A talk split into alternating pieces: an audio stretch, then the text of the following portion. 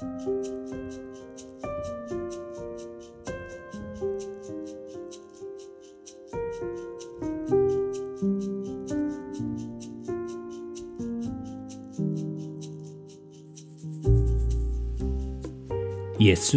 sier i bergpreika, Matteus kapittel 6, ingen kan tjene to herrer.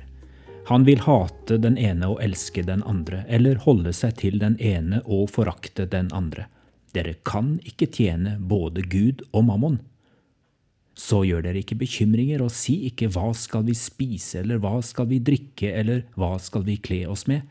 Alt dette er hedningene opptatt av, men den Far dere har i himmelen, vet jo at dere trenger alt dette.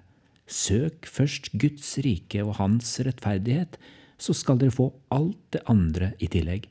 Så gjør dere ingen bekymringer for morgendagen. Morgendagen skal bekymre seg for seg selv. Hver dag har nok med sin egen plage. Legger du merke til hvordan Jesus snakker om mammon i samme åndedrag som han snakker om bekymringer for morgendagen? Det er ikke så rart, for i denne sammenhengen er det materielle bekymringer det dreier seg om. De basale behov. Går det bra med oss? Kommer jeg til å klare å forsørge meg og mine? Kommer vi til å ha det vi trenger i morgen? Jeg skal være varsom med å snakke lettvint om opplevelsen av å ikke få pengene til å strekke til. Bekymringer for morgendagen når renta stiger og alle kostnader øker. Det er mennesker i våre nabolag som virkelig sliter nå. Det vil alltid være dem rundt oss som står i sin egen lille hverdagskrig. Og likevel, i det store og det hele, i Norge har vi gode velferdsordninger sammenlignet med de aller fleste andre. I Norge lever vi ikke med den samme grunn til å frykte krig som mange, mange andre.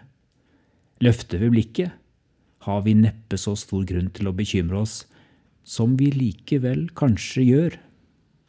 Og da må jeg tilbake til denne mammon. For når Jesus snakker om pengeguden mammon, da er det ikke i form av en positiv ressurs som gir oss vårt daglige brød. Når Jesus snakker om mammon, da snakker han om en åndelig kraft, en avgud som tar Guds plass i våre liv. Og mammon kan være en like stor avgud for fattige som for rike. Jeg tenker på Mammon som en falsk profet i djevelens hær. Djevel kommer av det greske ordet diabolos og betyr ordrett en som farer med løgn og sladder. Akkurat som djevelen påberoper Mammon seg å kunne se inn i fremtiden og fortelle oss hva som kommer til å skje. Og det er akkurat dette Jesus setter opp et motstykke til i bergprekenen. For hva sier løgnprofeten Mammon? Vær bekymret for morgendagen.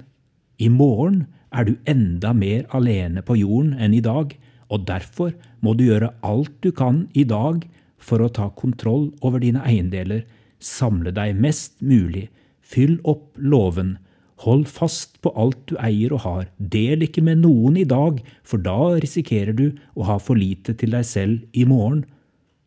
Dette er Mammons melodi. Det krever åndelig disiplin og viljestyrke å ikke være bekymret. Derfor fremstår det som et imperativ fra Jesus sin side. Vær ikke bekymret.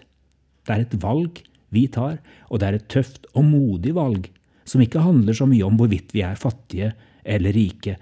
Det handler om hvem vi velger å ha som herre i livet. Hvem vi ønsker skal ta vare på oss. Gud eller mammon.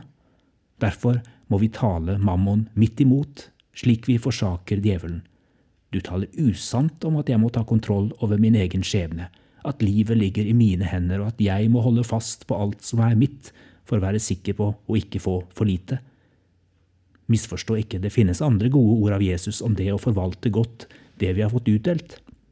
Men her handler det om å ikke la seg forføre av mammons falske profetier om morgendagen.